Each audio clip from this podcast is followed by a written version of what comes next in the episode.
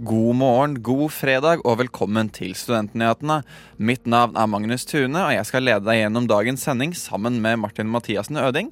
Og i sendingen skal du få høre mer om disse sakene. Bedriftene dropper å gi nyutdannede studenter overtidsbetalt. De burde vite bedre, sier Fagforbund. Venstrealliansen gikk igjen av med seieren i studentparlamentsvalget ved UiO. Vi snakker med lederen for lista. Vi fortsetter valgpraten med lederen for studentparlamentet ved UiO, Susann Andora Biseth Mikkelsen. Studentrepresentantene i Oslo Mets universitetsstyre kommer for å snakke om universitetsdemokrati.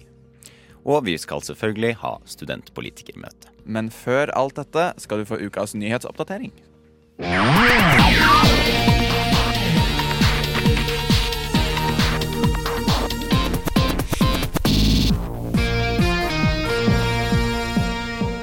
Kunnskapsdepartementet endrer rådet sitt om Erasmus pluss-utveksling i Storbritannia. Departementet kan nå melde at de nå anser det som trygt for norske studenter å ta fag i landet. Krono skriver denne uken at myndighetene anser brexit-faren for over i høsten 2019. Krono kan denne uken melde at Chateau Neuf og Teologisk fakultet er blant byggene som Universitetet i Oslo vurderer å selge for å finansiere oppgraderingsbehov av andre bygg. Eiendomsdirektør ved UiO, Jon Skogen, sier at dette er et resultat av masterplanen til UiO, som sier at man skal utrede for salg av eiendommer som det ikke er ansett som strategisk viktige, eller som ligger sentralt på campus. Velferdstinget i Oslo Akershus diskuterer i disse tider en ordning om man ønsker et nytt studenthus i sentrum, og hva det eventuelt skal inneholde. De inviterer derfor til et såkalt Ideathon på Forskningsparken den 14. mai. Ideatonet skal være en møteplass for studenter, utdanningsinstitusjoner, næringslivet og Oslo kommune, hvor aktørene møter hverandre og utveksler ideer om hvordan tettere koblinger mellom studentene og aktørene i arbeidslivet potensielt kan skapes. Det skriver Velferdstinget. Det var ukens nyhetsoppdatering. Mitt navn er Martin Mathias Nøding. Én av tre nye utdannede tro, får ikke overtidsbetalt i sin første jobb. Det kommer fram i lønnsundersøkelser som en rekke fagforbund har gjort blant økonomer, jurister, ingeniører, leger, psykologer og veterinærer. Dette melder NRK. Og i studio nå skal du få høre fra president i Juristforbundet Håvard Holm og advokat i Tekna Synne Bjørvik Stålen. Velkommen til dere to. Tusen takk. takk. Uh, vi kan jo starte med deg, Synne. Tekna er et av fagforbundene som har gjort en slik undersøkelse, der dere spurte 1200 nyutdannede organiserte ingeniører i privat sektor. Hva var det dere fant ut med denne undersøkelsen? Eh, nei, Vi fant jo noen tall som eh, bekymrer oss litt, da. Eh, blant annet at eh, hele 27% av, av nyutdanna, altså dvs. Si, Eh, medlemmer som har jobba null til fire år i arbeidslivet, de har ikke krav på overtid. Og vi mener jo at det, Tekna mener at det tallet burde vært tilnærma null. Eh, det er en utvikling som vi har sett de siste åra. Eh, og, og, det betyr jo da også at de rammene som gjelder for hvor mye man kan jobbe, de vil ikke gjelde for disse nyutdanna. Mm. Vi tenker jo at vi bare nevne at svarprosenten var på sånn ca. 67% og jeg bare lurer på, er det noe hva er på en måte grunnen til at dette skjer? Og du sier at det er økende problem. Hva tenker du, hva er litt av grunnen til at det faktisk øker? Det er nok kanskje en noe mangel på kunnskap i bedriftene i forhold til hvordan reglene i arbeidsmiljøloven skal praktiseres. Men det er klart at bedriftene skal jo heller ikke utnytte nyutdanna arbeidskraft. Eh, og det er klart for den enkelte ansatte som står og skal intervjues og har fått tilbud om en ny jobb som man kanskje har veldig lyst på, så er det ikke alltid så lett å stille spørsmål. Eh, og man er ikke noe veldig god forhandlingsposisjon, rett og slett. Nei. Eh, vi kan ta, snakke med deg også. Håvard Holm fra Juristforbundet. Dere fikk eh, Rambøll til å gjøre en lignende undersøkelse. Det er 6000 av deres medlemmer svarte. Her var det også en svarprosent på 42 eh, ifølge NRK. Eh, ser dere samme tendens som i tallene hos Tekna? Ja, det er det vi gjør. Eh, både i forhold til Teknas undersøkelse og disse andre du nevnte, så ligger det rundt 30% av de nyutdannede utdannede som, ikke, som er plassert i, i, eh, særlig selvstendig stilling. Eh, og det mener jo vi også er, eh, er altfor høyt. Mm. Er det noe, altså, ser du noen forskjell mellom privat og offentlig sektor? Er det noen forskjellige tendenser? Ja, det er i det vesentlige i det i privat sektor dette er fremtredende. Det, er, det, er, det finnes også i, i offentlig sektor, men, men, betydelig mindre. Hvorfor tror du det er spesielt i privat sektor at man ser disse tendensene? Jeg går ut fra at det er flere årsaker til det. Eh, dels eh, at man har eh, i offentlig sektor en annen regulering av stilling og stillingskategorier, i motsetning til, til det private. Men når vi ser også da, som i Tekna, som har sine medlemmer i stor grad i, i privat sektor, at det er der, det er der dette, dette, er mest utbredt. Ja, da bryter arbeidsgiverne arbeidsmiljøloven her? Eh, det, eh, I noen av de tilfellene vi ser, så er det nokså klart at, at, kriteriene som loven oppstiller, og som er utpenslet i rettspraksis, eh, ikke er fulgt når man har plassert disse arbeidstakerne i særlig selvstendig stilling. Så objektivt sett så vil jeg si at det er, er brudd på, på, bestemmelsene. Så understreker jo det jeg har sett av arbeidsgiveruttalelser i det siste, at man ønsker ikke dette. Dette er ikke, med, det er ikke noe man gjør bevisst, men man mener at reglene er, er vanskelig å følge. Eh, det er vi for så vidt enig i, så vi håper at arbeidsgiverne også vil være med på å endre dette, slik at vi får klarere presiseringer av, av reglene. Ja. Vi vil også presisere at bedriftene ved Næringslivets hovedorganisasjon eh, ble invitert til studio i dag, men de hadde ikke anledning til å stille her. Men jeg vil også spørre dere begge om eh, Dette er jo en feil, men hvem er det som har ansvaret for å rette opp i dette her? Er det bedriftene som må ta tak, eller er det den enkelte ansattes ansvar å, å få de rettighetene de fortjener? Ja, jeg tenker jo at uh, altså, vi, vi, En ting er i hvert fall helt sikkert, vi må jobbe for å redusere bruken av de som ikke på en måte kvalifiserer for den type stilling. Uh, for, det, for da, da, fører det til at man, man, jobber ulovlig, at det er ulovlige kontrakter. Uh, bevisstgjøring av arbeidsgivere, men selvfølgelig også de enkelte arbeidstakere. og studenter som skal, skal, ut i arbeidslivet, tenker vi er viktig. Og så bør jo fagforeningene Vi har jo fokus på dette, og vi bør fortsette med det. og så kan man jo selvfølgelig også også snakke om å lovfeste i større grad de kriteriene som skal til da, for å falle inn under den stillingskategorien. Eh, og til så har du jo også Arbeidstilsynet selvfølgelig som har en viktig rolle her, og kanskje bør få styrka sin rolle. Hva er denne stillingskategorien du snakker om? Som, hvilke krav er det? Sånn, hva er det som skiller den fra Hva er det som er spesielt? Hva slags type stillings er det du snakker om? Det er nok særlig uavhengig stilling som er det, som er på en måte det vanligste unntaket fra arbeidsmiljøloven. Eh, og, og den selvstendigheten, den går jo i stor grad på at man selv kan styre når og, og, hvor og på hvilken måte arbeidsoppgavene skal utføres. Eh, man har gjerne en del ansvar. Eh, det trenger ikke å være lederansvar. Mulighet til å ta selvstendige beslutninger og delegere arbeidsoppgaver, f.eks. Så det kan være, altså Generelt sett så er det mer overordna resultatorienterte stillinger. og det er klart at har du mindre enn fem års erfaring i arbeidslivet, så er det ikke gitt at man faller inn under den kategorien. da. Men tror dere bedriftene sånn, omgår de overtidsbetalingen med vilje? Er dette noe de gjør med vilje for å spare penger? Altså Privat sektor tjener jo kanskje litt mer på det, altså bedriften ved å ikke betale de ansatte? Det er det selvfølgelig vanskelig å si noe, noe, sikkert om, for de sier jo i hvert fall selv eh, at de ikke gjør dette bevisst, men at det er vanskelige, vanskelige regler. Så jeg håper jo ikke at, at dette skjer bevisst, men, men, det viser vel tydelig at her er det et eh, betydelig behov for en klargjøring av regelverket. Og jeg er helt enig med Synne at det er i hovedsak arbeidsgiver som må, må sørge for eh, at eh, stillingene plasseres riktig i forhold til disse reglene.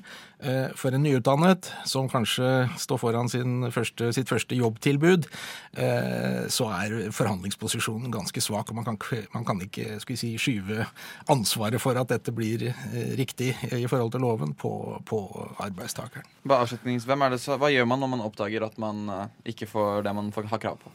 Det naturlige Jeg tenker jo ta kontakt med fagforeningen sin. Spør litt hva skal til. Hvordan, forklar litt hvordan man jobber og hvordan man ligger an i forhold til, til lovverket. Eh, og spør arbeidsgiver. Hva har de tenkt her? Er det en bevisst, eh, Har man bevisst plassert dem der, eller er det kanskje bare noe som har skjedd uten at man har tenkt så mye over det? Mm.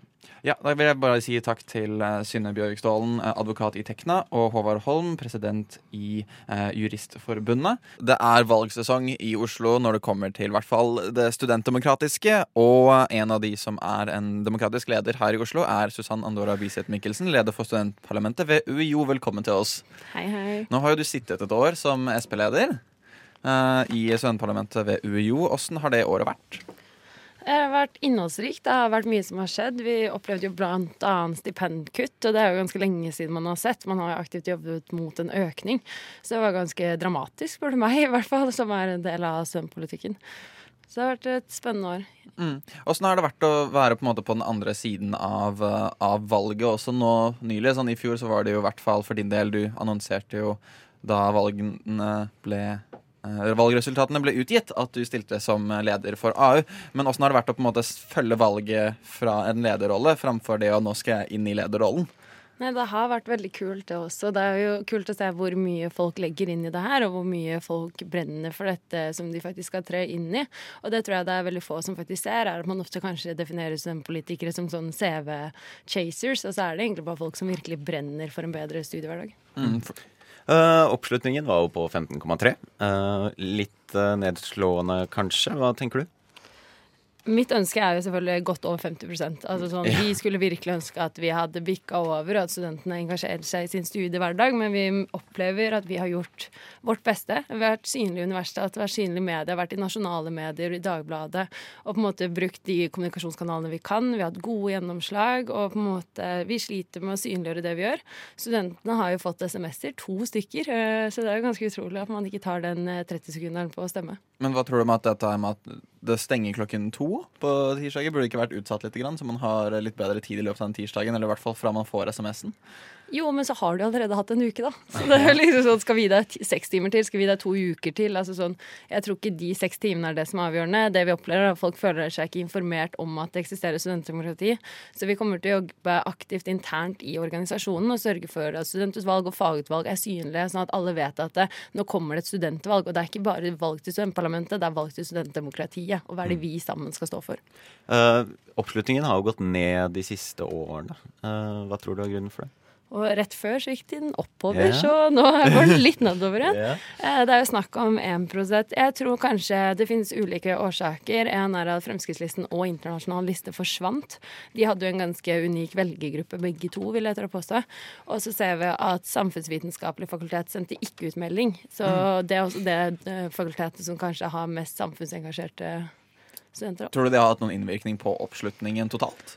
Ja, jeg, jeg, tror det, men det er vanskelig å si. fordi på en måte Hvis man ser valgresultatet i fjor og i år, så kanskje det ikke er de store forskjellene, men så vet man ikke om det ville utgjort en stor forskjell. Så vi håper å kunne gå i et tettere samarbeid med SV-fakultetet om dette her, og se hvordan vi kan jobbe sammen for å engasjere studenter på alle fakulteter. Ja, Hvorfor ble du ikke sendt ut SMS? Vet vi det? Nei, det er liksom, de mener at dette på en måte skal være si, krisekanalen, da. Eh, og på en måte at man vil bevare den. fordi det man opplever, er at studentene får for mye informasjon. Altså, Vi skal få med oss sjukt mye hele tiden, så jeg skjønner på en måte det også. Men at vi må på en måte bli enige om at vi setter studentdemokratiet like høyt som annet demokrati, og at man på en måte støtter opp under det. Det er jo, og I år som i fjor så er det jo Venstrealliansen og Grønn liste igjen da, som er de store vinnerne. Er det dette er, Hvorfor tror du det er sånn? Er det veldig sånn, kan man si, liberalt og venstrevidd på UiO? Ja, det er jo sånn det fremstår. Ellers er det de som er mest engasjert i å stemme, er de som er røde og gråde. Jeg vet ikke. Det, nå synes jeg, for å være ærlig. ja. Og nå nærmer det seg ledervalg. Uh, kommer du til å stille til gjenvalg i, som leder for AU? Nei. Nei. Men uh, hvorfor ikke? Er det liksom ett år, og så er det ferdig, eller? Uh? Jeg tror det er sunt for organisasjonen også. Jeg har vært der i to år. Jeg vil gjerne se at nye mennesker kommer med sine ideer og har muligheten til å forme organisasjonen til det bedre. At jeg har muligheten til å si hva jeg har lært, og at de kan ta med seg nye inspirasjoner inn i organisasjonen. Og av det du har lært, er det noe du har lyst til å Har noen råd til de som har lyst til å stille som leder? Nå har jo noe, eller i hvert fall én allerede kommet fram og sagt at han stiller som leder. Men er, hva med de som lurer litt på om de vil stille? Har du på en måte noen oppløftende ord til de? Nei. nei. Ingen. Ingenting positivt å si. Eh, jo, det er jo veldig mye positivt, men det er også mye krevende. Eh, man har jo en arbeidshverdag som man ikke trodde man skulle kanskje sitte i. Ikke at jeg ikke visste hva jeg gikk til, men på en måte sånn, det er jo mer utfordrende enn det man kan se for seg når du faktisk trer inn i en rolle. Og det tror jeg alle som opplever når man går fra student til arbeidsliv og lignende. da, At det er ikke alltid slik man tror det skulle være. Eh, så min, det jeg syns har vært vanskeligst år, har vært prioriteringer. Jeg elsker å få til alt, og det er det dessverre ikke nok timer i døgnet til. Så få nok søvn er vel mitt største tips. Mm, yes. uh, uh, tusen takk til deg, Susanne Andora Biseth Mikkelsen, for at du kunne stille i studio og snakke om, ja, litt om valget og litt om året som har vært. Uh, og ja, lykke til med videre ting. Jo, takk. og så vil jeg også dere som er der ute og kanskje lurer på om dere vil stille til leder som AU, si fra til Radio Nova, skal vi gi dere en kjempefin plattform å gjøre det på. Har vi fått mer besøk i studio. Yes, Vi har nemlig fått Rune Keiske-Kosaka og Jul Iversen, som er hvis jeg ikke tar feil, studentrepresentantene ved universitetsstyret på Oslo OsloMet. Og dere her, er her jo i forbindelse med at uh, i morgen så skal det velge Eller er det i morgen det skal velges, eller er det i morgen det skal velges representanter? I morgen skal det velge nye studentrepresentanter. Eh, og, og, når skal det velges om student... Uh, eller unnskyld, fakultetsstyreordningen til Oslo OsloMet?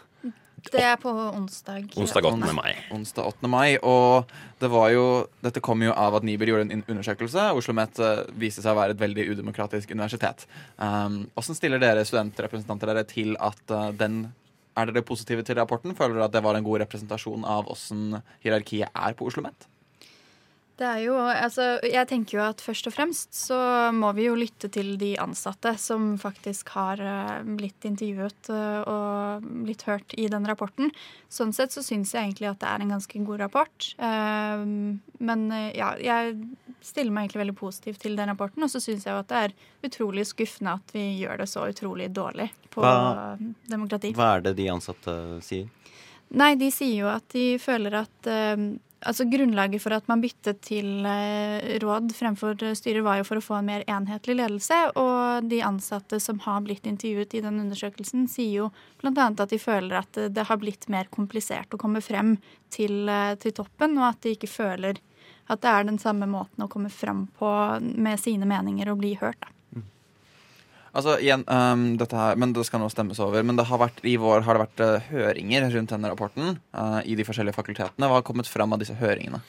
Jeg vil si at uh, Alle fagforeninger, studentparlamentet selv og tre av fire fakultet har anbefalt at man går tilbake til en modell der fakultetene har styrer med formelle myndigheter og har mulighet til å påvirke sin egen strategi gjennom demokratiske prosesser.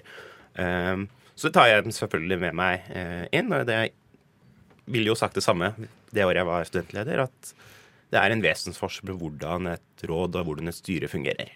Så har Oslo OsloMet liksom nok uh, kompetanse til å drive, et, uh, sånn, drive styrer framfor råd, nå som de har ganske siden 2014-2015 hatt råd framfor styrer?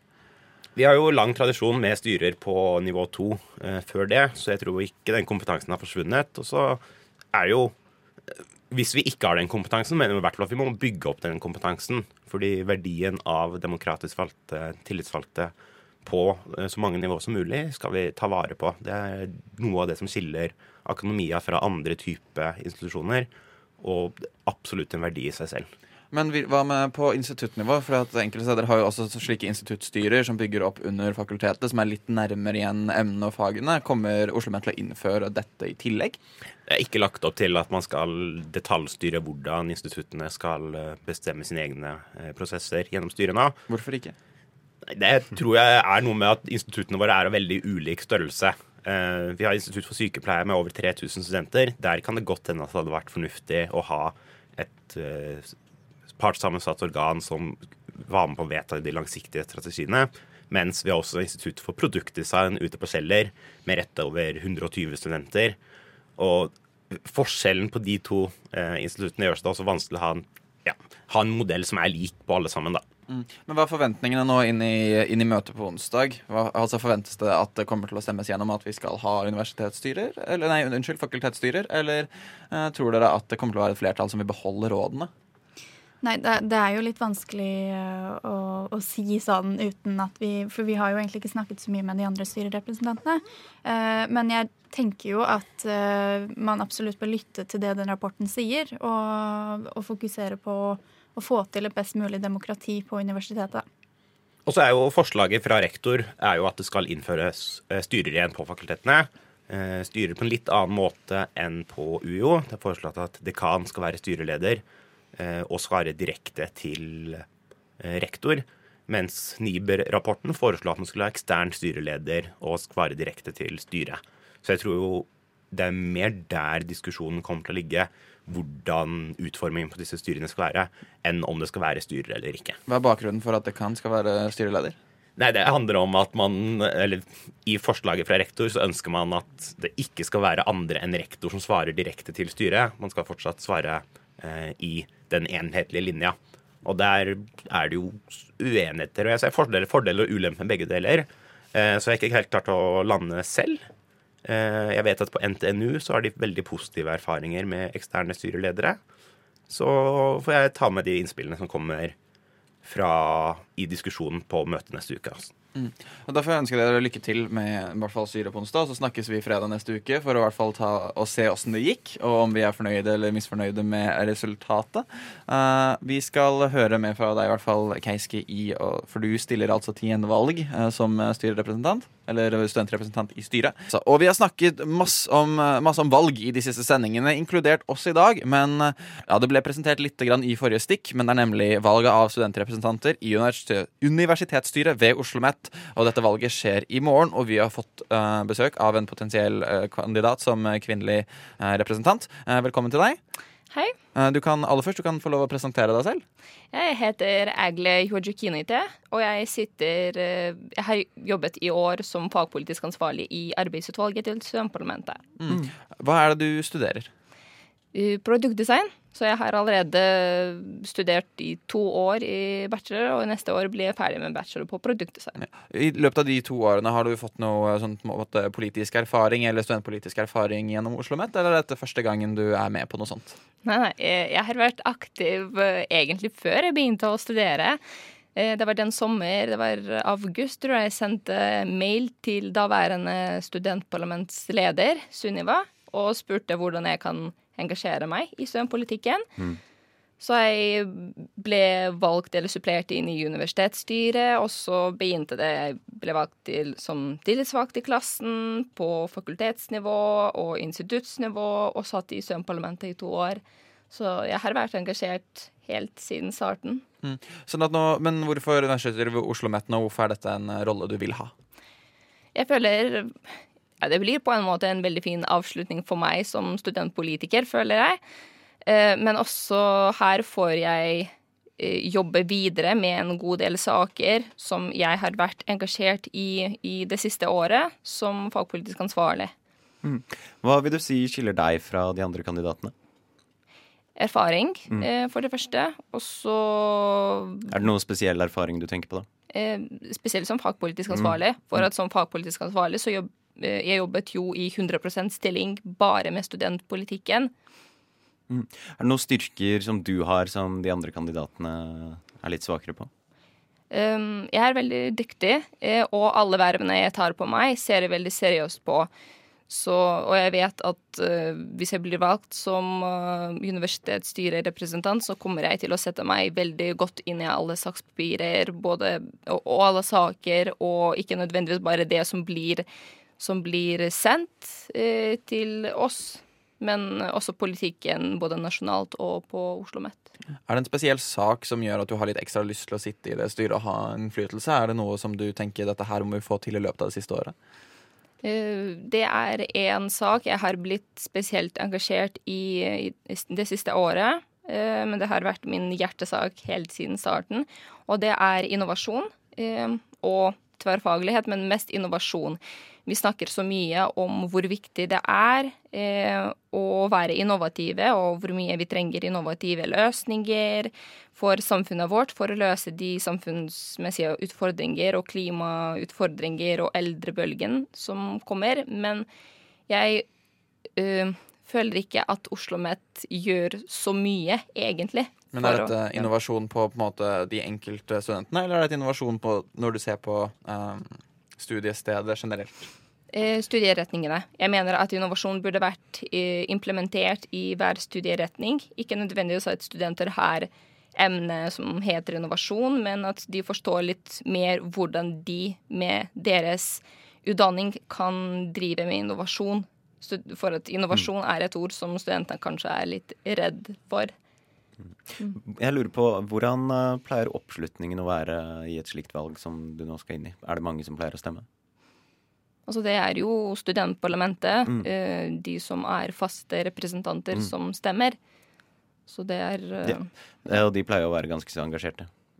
ja, de, de, kommer jo på, ja. på valgmøtet. Mm. Mm. Og Da sier vi i hvert fall lykke til til deg i, i valget som kommer. Uh, og takk for at du kunne stille her i studio for oss. Uh, vi skal straks snakke med to andre kandidater. Men uh, vi har fått nye gjester inn i studio. Velkommen til dere, Bjørn Harald Hegerberg Garborg og Rune Keiske Kosaka. Tusen takk. Tusen takk. og vi skal holde oss på samme tema som forrige stikk, nemlig valget i det forestående universitetsstyret til Oslo OsloMet.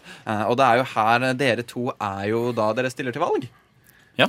Yes. Uh, og nå er det jo ikke så ukjente for oss her i Studentnyhetene, men for en ny lytter så kan dere gjøre en introduksjon av hver av dere. Vi kan starte med deg, Bjørn Harald. Ja, eh, Bjørn Harald Heggeberg Garborg kommer fra Stavanger, flytta til Oslo i 2016 for å studere sykepleie. Har gått gradene i Oslo Met sitt eh, tillitsvalgtsystem fra, fra tillitsvalgt eh, og til toppen nå som leder av Studentparlamentet. Helt til topps. Helt til topps. og Keiske? Ja, eh, jeg heter jo som sagt Keiske. Eh, tar en master i bibliotek og informasjonsvitenskap. Eh, har sittet i ett år i universitetsstyret nå, og året før det så var jeg leder av studentparlamentet. For mer informasjon kan dere høre spesialsendingen om meg. men, men, igjen, hvorfor har dere valgt å stille? I hvert fall nå, Bjørn Harald, Du har jo sittet som leder i studentparlamentets arbeidsutvalg. Hvorfor universitetsstyret nå? Det er flere grunner. Eh, jeg kan begynne med det at jeg, Når du sitter i arbeidsutvalget til studentparlamentet, så skal du, du skal sanke studentparlamentets meninger. Og du, eh, jeg har tenkt at jeg vil gjerne være den som kommer med nye meninger. Eh, og nå når du sitter som leder, så kan du ja, kan og kan, men det, så, det, blir ikke sett bra på å stille på nytt til studentparlamentet. Så hvor kan jeg da komme med mine meninger, mine veloverdredige tanker? Jo, universitetsstyret. Så det er derfor. Føler deg ikke ferdig? Nei, nei, nei, langt ifra. Jeg skal bli med langt ifra med Litt sånn som Keiske jeg sier ofte. Altså. ja, Keiske snakker om dette med tålmodighet, og du stiller til gjenvalg. Du har lyst til å gjøre dette her på nytt igjen. Hva, er det noen spesielle erfaringer fra det foregående året som har gitt deg mersmak? Jeg syns jo både uh, veldig mye av den, det arbeidet vi har gjort i det forrige året, har vært veldig gøy. Uh, men det som gjør så jeg virkelig har lyst til å stille til en ny periode, er at nå er det et nytt styre. Det er et ny styreperiode. Vi skal peke ut retningen for universitetet de neste fire årene.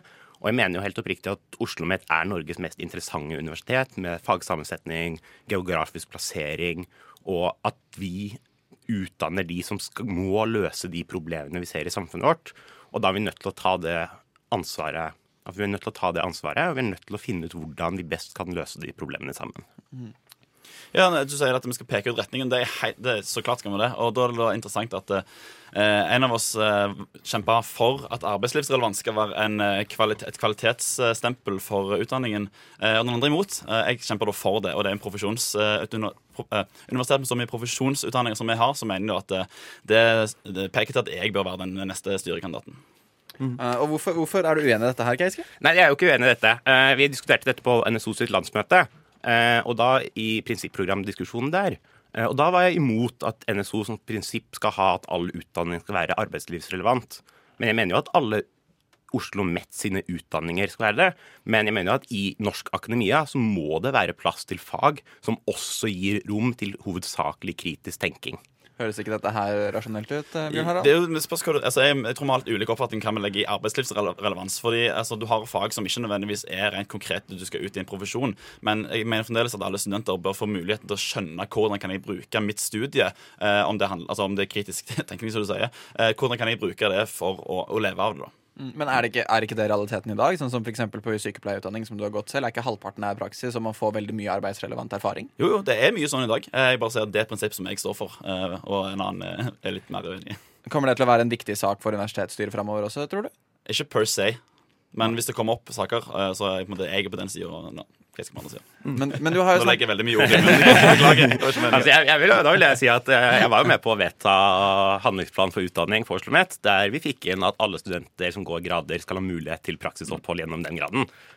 Så jeg er jo ikke så skeptisk til arbeidslivsrelevans, jeg heller.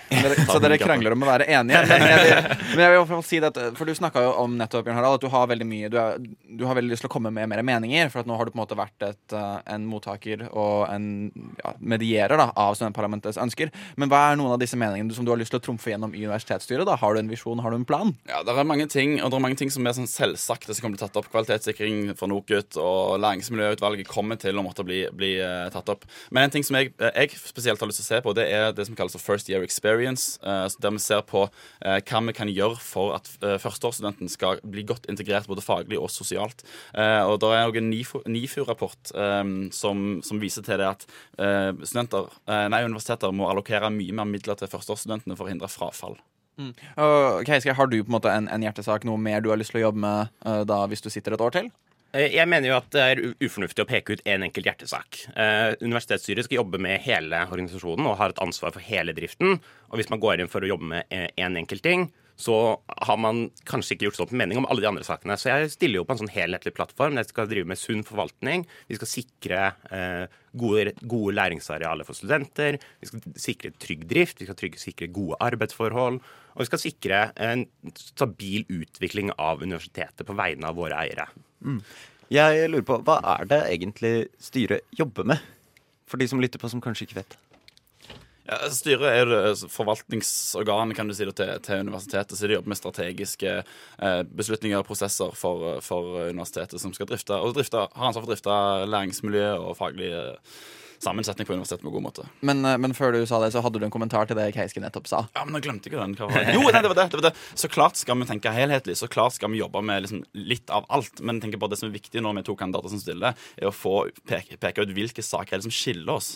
For det, det er jo veldig viktig for studentparlamentet for å kunne gjøre seg opp en god mening. Mm. Uh, og vi i hvert fall vet at med kanskje prinsipielt arbeidsrelevant erfaring kanskje er dere litt uenige med, men er det noe mer sånn Det er jo en helhetlig oppfatning. Du er, har du lyst til å jobbe med for de spesifikke sakene, Bjørn Harald? Istedenfor å på en måte se den helhetlige? Er det én eller to ting som du virkelig har lyst til å prøve å trumfe gjennom i det universitetsstyret? ja, det er samme spørsmål. Hvis, vi hvis får to ting, da, så er ja, det jo nei, sånn, er du, Fokuserer du mer på enkeltsaker, ja, ja, eller er det litt det med å forstå hva um, Selvfølgelig er dere begge demokratisk valgt, mm. men er det dette herr Keiske her fokuserer mer på flere ting? Kanskje du er litt mer sånn fokusert? på én ting? Eh, ja, men du, det kan det godt være. Det kan godt si at jeg er. Eh, altså, som sagt, altså, kom, Du kommer til å være del av prosessen rundt universitetet uansett, og da tror jeg det er viktig at eh, man klarer å holde hodet på én ting. For du, du får ikke gjennomslag for åtte ting på et år. Du får kanskje, kanskje gjennomslag for én ting eh, som på en måte er din, som du har eierskap til. Og alle de andre sakene som er kontinuerlige, som alltid skal jobbe med, de kommer opp uansett. Så det er liksom ikke viktig for meg å ha så mye fokus på å jobbe med dem, for det kommer til å komme. Så får jeg ønske dere begge to lykke til i morgendagens valg. Vi gleder oss til å se resultatet. Uh, og For det var det vi rakk med dere to i dag. Takk for at dere kunne komme, Bjørn Harald Hegreberg Garborg og Rune Keiske Kosaka. Tusen takk. Da ses vi på Novafest i kveld. Det, ja, kom på Novafest i kveld. Så håper vi å se deg som lytter også. Uh, vi skal snart runde av, men før vi gjør det, skal vi høre 'Gidd ikke' av Himla. Og vi begynner å nærme oss avslutning her på Studentnyhetene denne fredagen. Det gjør vi. Uh, og uh, Martin Mathias Nøding, som har vært med meg, du har jo hatt litt ekstra ansvar denne uka her med et uh, visst arrangement som begynner i kveld. Ja, vi holder jo på med Radio Nova sin egen, hva skal man kalle det, egen festival. kultur- og musikkevent som skjer denne helgen. Uh, og det, det, går jo Det braker jo løs i kveld klokka sju med vår, egne, vår egen Umami, som får besøk av uh, Haralds Vaffel. Hva er det han heter igjen? Johan. Johan fra Haralds Vaffel. Um, og det er et veldig studentvennlig arrangement og et veldig studentrett arrangement. Mm. Altså det er jo, Vi er Studentnyhetene, vi er uh, Oslo Studentradio. Det er dere studenter som sitter og hører på, som uh, vi veldig gjerne vil ha med i festivalen. Men også alle dere andre som sitter og hører på. Og siden vi nå går mot veis ende, så er det på tide å si uh, ha det bra. Ha, tusen takk til alle gjestene som har dukket opp i dag. Det er en sending fullpakket av gjester. hør podkasten vår på soundcloud.com slash studentnyhetene Studentnyhetene på Spotify eller der du finner podkast. Finn oss på Facebook på at Studentnyhetene. Er det noe mer enn Facebook vi er på, Martin? Vi er overalt. Vi er på Instagram. Uh, ikke på Snapchat ennå, men kanskje, hvem vet, en dag så dukker vi opp uh, der også. Uh, men før vi avslutter, Martin, hvordan får man billett til Novafest? Du går inn på novafest.no, og så trykker du på Kjøp billetter. Så gå inn på novafest.no mens du hører 612 for alltid, som tar deg ut i helgen. Takk for oss. Og vent, Tekniker i dag har vært Celine Stensrud. Hun har vært kjempe